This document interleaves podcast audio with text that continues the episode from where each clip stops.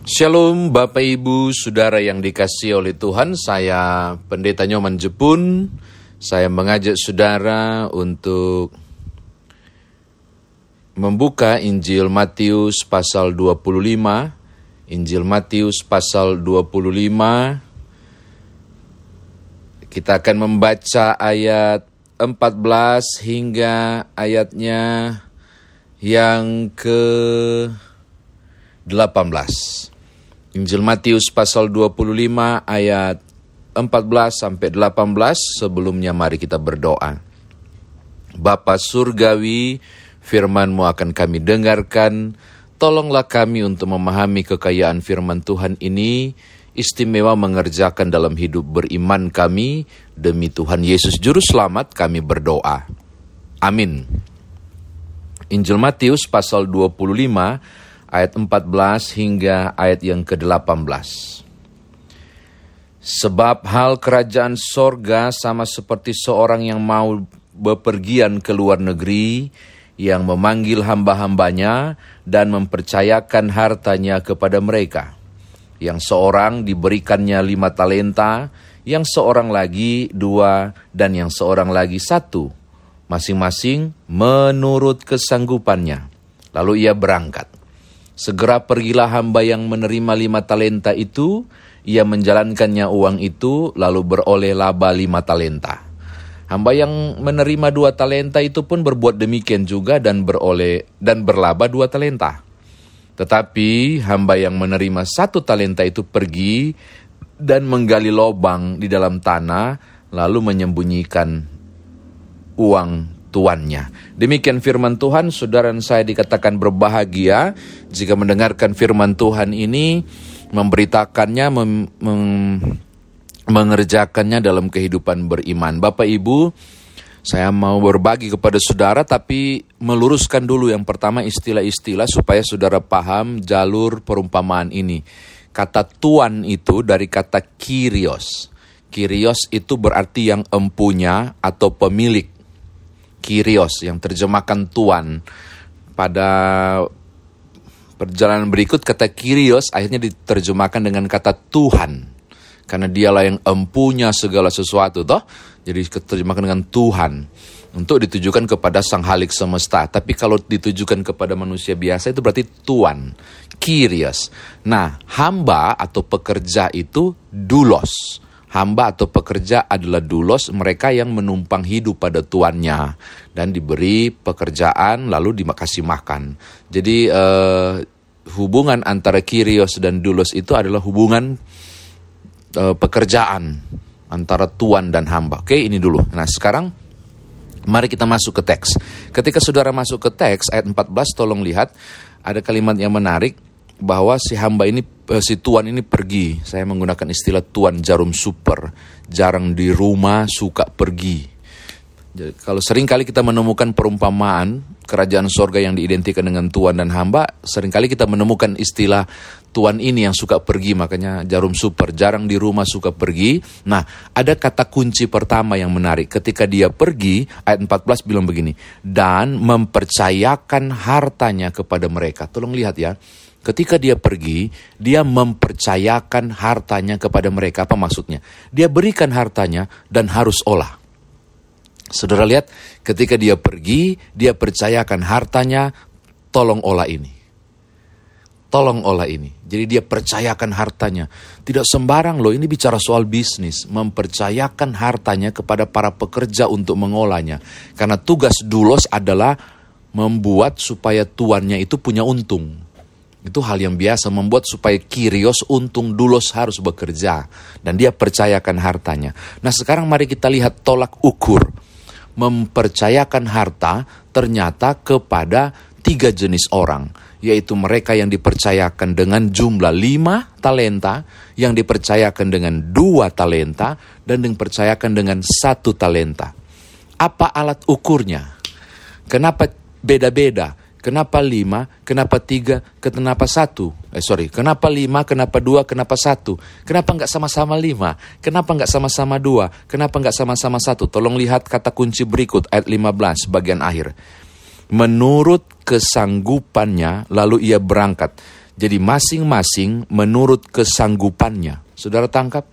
Jadi ternyata diberikan berdasarkan kesanggupan. Kesanggupan itu dalam bahasa asli dunamis. Kata dunamis ini berarti pertama memang kekuatan, tapi berarti kesanggupan yang bisa diukur Diukur dari karena sama-sama lihat kemampuannya. Diukur dari barangkali ada kurun waktu yang dievaluasi dan tahu kemampuannya. Oh, kamu cuma bisa lima talenta, kamu cuma dua, kamu cuma satu. Jadi diukur sedemikian rupa. Jadi bukan soal pilih kasih. Bukan, bukan soal pilih kasih Bapak Ibu ketika saudara melihat kenapa yang satu cuma uh, lima talenta, kenapa yang satu kemudian bahkan cuma satu talenta, kenapa terlihat uh, tidak adil, kenapa bisa begitu? Ini kan menarik, kenapa bisa begitu? Nah, kita dapat jawaban berarti ternyata pemberian yang tidak sama ini berdasarkan dunamis, kesanggupan, dan kesanggupan itu bisa diukur. Saya ulangi, kesanggupan itu bisa diukur. Kemampuanmu diukur, dinilai setelah interaksi dievaluasi ini nilaimu dan bisa diukur. Jadi bukan soal menjilat bos baru dapat lima talenta, bukan soal like and dislike baru dapat dapat lima talenta, bukan diukur berdasarkan kemampuan. Ini menarik ya, karena menggunakan istilah dinamis. Jadi ternyata yang satu ini cuma dapat satu talenta karena kau cuma mampu begitu. Saya sudah tahu kau punya kemampuan cuma begitu. Oke, ini catatan saya yang pertama. Yang kedua Bapak Ibu, mari kita lihat apa sih sebenarnya arti talenta itu. Oke, talenta itu dari bahasa Yunani talanton. Talanton ini berarti dua, memikul atau mengangkut. Talanton itu berarti memikul atau mengangkut, makanya tidak heran istilah talenta ini biasa digunakan untuk suatu timbangan dengan neraca atau bicara soal berat. Biasanya ini satuan berat untuk emas dan perak. Bahkan di perjanjian lama saudara akan menemukan bahwa satu talenta itu 3000 sikal kudus. Tinggal mau diukur ini sikal emas atau sikal perak. Yang pasti ukurannya 3000 sikal kudus di perjanjian lama. Jadi talenta itu erat hubungannya dengan neraca berat atau ukuran. Tapi saya mau kasih tahu saudara, bahwa ternyata talenta juga berhubungan dengan duit. Bukan cuma berhubungan dengan berat atau uh, timbangan, tapi juga berhubungan dengan duit. Apa itu? Uh, umumnya satu talenta itu 60 mina atau 6000 dirham. Saya ulangi ya, satu talenta itu sama dengan 60 mina atau 6000 dirham. Apa Kenapa pakai mina dan dirham? Ya, pokoknya satu talenta itu 60 mina. Nah, satu mina itu 100 dirham. Dari mana dapatnya? 6 ribu bagi 60. Ya toh? Jadi kita dapat. Jadi satu talenta itu sama dengan 60 mina. Atau 600, 6 ribu dirham. Sekarang mari kita cari eh, bagaimana supaya bisa menghitungnya secara rupiah di kurs kurs secara rupiah. Ternyata Bapak Ibu gampang. Kurs secara rupiahnya begini. Ternyata satu dirham itu sama dengan setengah upah harian pekerja. Setengah upah harian pekerja. Satu dirham itu setengah upah harian pekerja. Jadi kita tinggal cari tahu saja. Di Palembang ini atau di Indonesia ini berapa ada yang 70 ribu per hari, ada yang 80 ribu yang ekspor, ada yang bahkan uh, kepala tukangnya itu bisa 105 ribu rupiah per hari dibayar, kita pukul rata saja 100. Maka satu dirham itu sama dengan setengah upah harian, berarti satu dirham itu sama dengan 100 ribu bahagi dua.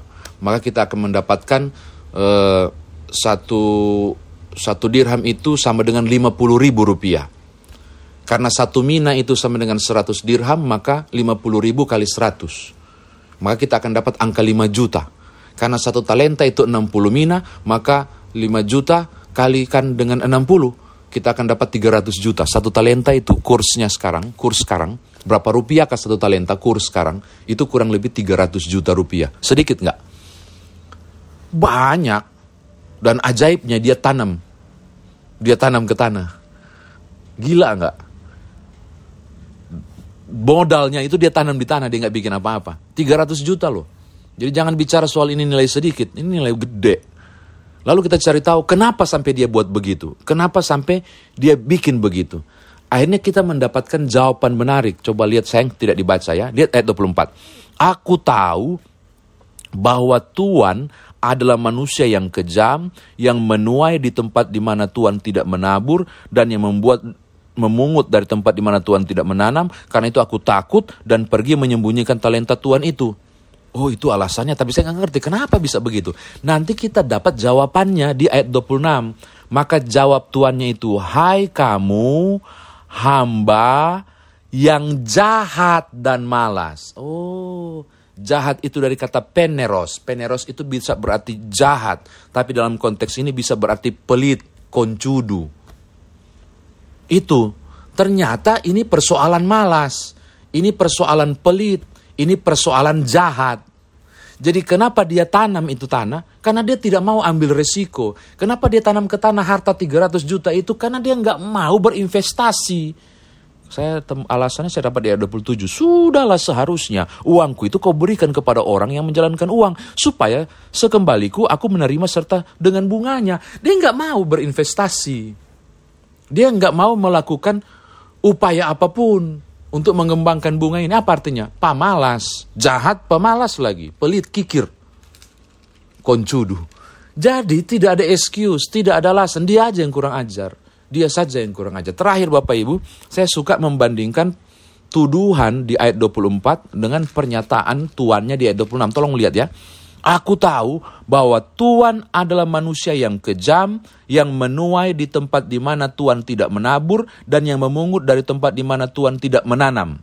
Oke, okay? lihat ayat 26, itu tadi 24. 24, sekarang lihat 26. Maka jawab Tuhan gitu, Hai kamu hamba yang jahat dan malas, jadi kamu sudah tahu bahwa aku menuai di tempat di mana aku tidak menabur, dan memungut dari dari tempat di mana aku tidak menanam. Mirip ya, tapi jangan terkecoh. Hanya mirip, nggak sama Bedanya di mana? Bedanya di pernyataan si hamba. Di, ada di kalimat depan ditambah begini. Aku tahu bahwa Tuhan adalah manusia yang kejam. Sisanya sama. Yang menuai di tempat yang sama dengan si Tuhan di ayat 26. Ayat 24 bilang apa? Tuduhan. Tuduhan. So baking salah, tuduh balik ke Tuhan. Bukankah begitu manusia? Kalau sudah salah berusaha cari benar. Bagaimana caranya supaya jadi benar? Cari kambing hitam.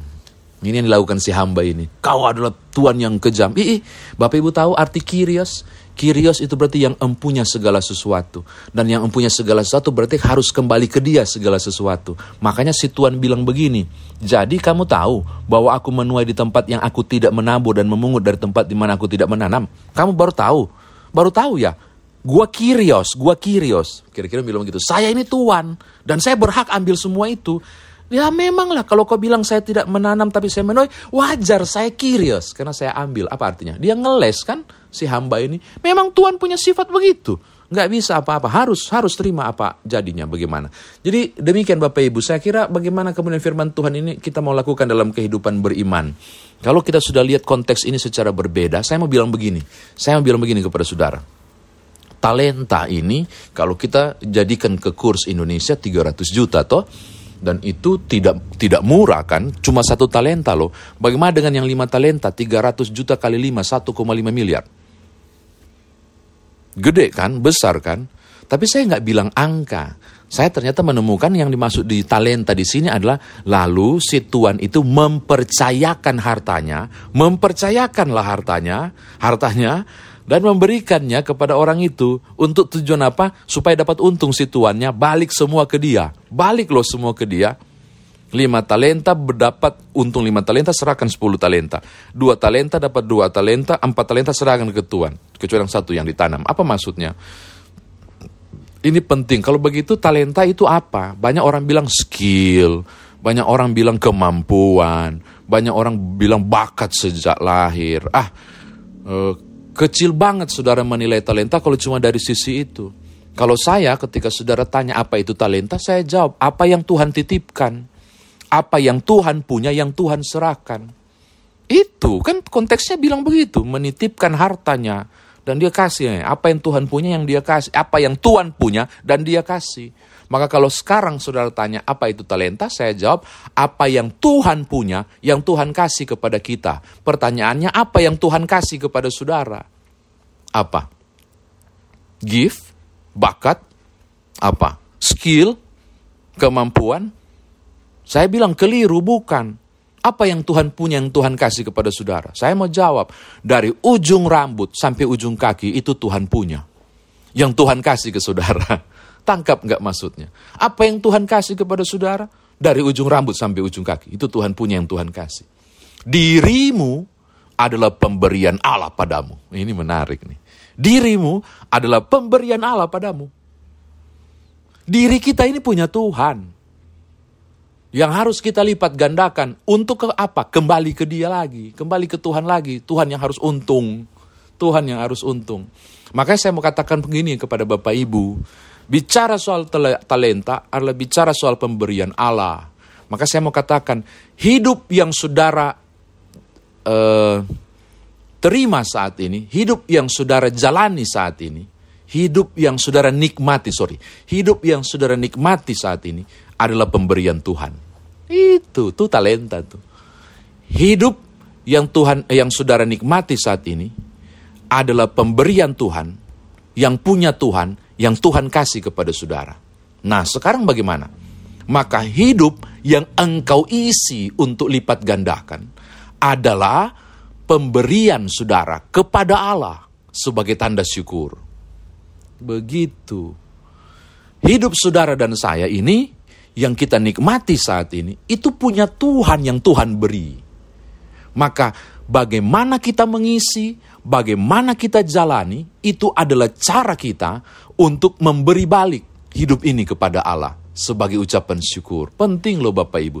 Pertanyaan mendasar adalah sudahkah, sudahkah pemberian Allah ini, yaitu ujung rambut sampai ujung kaki ini, saudara lipat gandakan untuk Tuhan ditinggikan. Saudara lipat gandakan untuk Tuhan dimuliakan. Saudara lipat gandakan untuk Tuhan diuntungkan. Karena konsep talenta. Eh, nggak mudah Bapak Ibu. Tidak mudah. Karena itu terakhir saya mau tutup begini. Jalani hidup Bapak Ibu dan saya. Tujuannya cuma satu ternyata. Buat Tuhan untung. Ngeri loh. Dan jangan protes Wah enak banget ya segala sesuatu dalam hidup saya harus Tuhan ditinggikan. Hei hei hei Tuhan itu kirios. Tuhan itu kirios. Dan semuanya harus berpulang untuknya, untuknya. Jadi saya mau balik bertanya, Bapak Ibu, saya kayaknya saya harus merenung, saudara juga harus merenung, sungguhkah? Tiap nafas yang saya tarik sekalipun itu menguntungkan Tuhan atau tidak? Kayaknya gitu deh. Menguntungkan Tuhan atau tidak? Jangan tanya mengapa. Karena memang Tuhan punya hak itu. Tuhan yang kasih kok ke kita. Jadi marilah berupayalah untuk menyenangkan Tuhan. Sebagai tanda kita memanfaatkan tiap talenta yang Tuhan kasih. Tuhan berkati Bapak Ibu. Haleluya. Amin.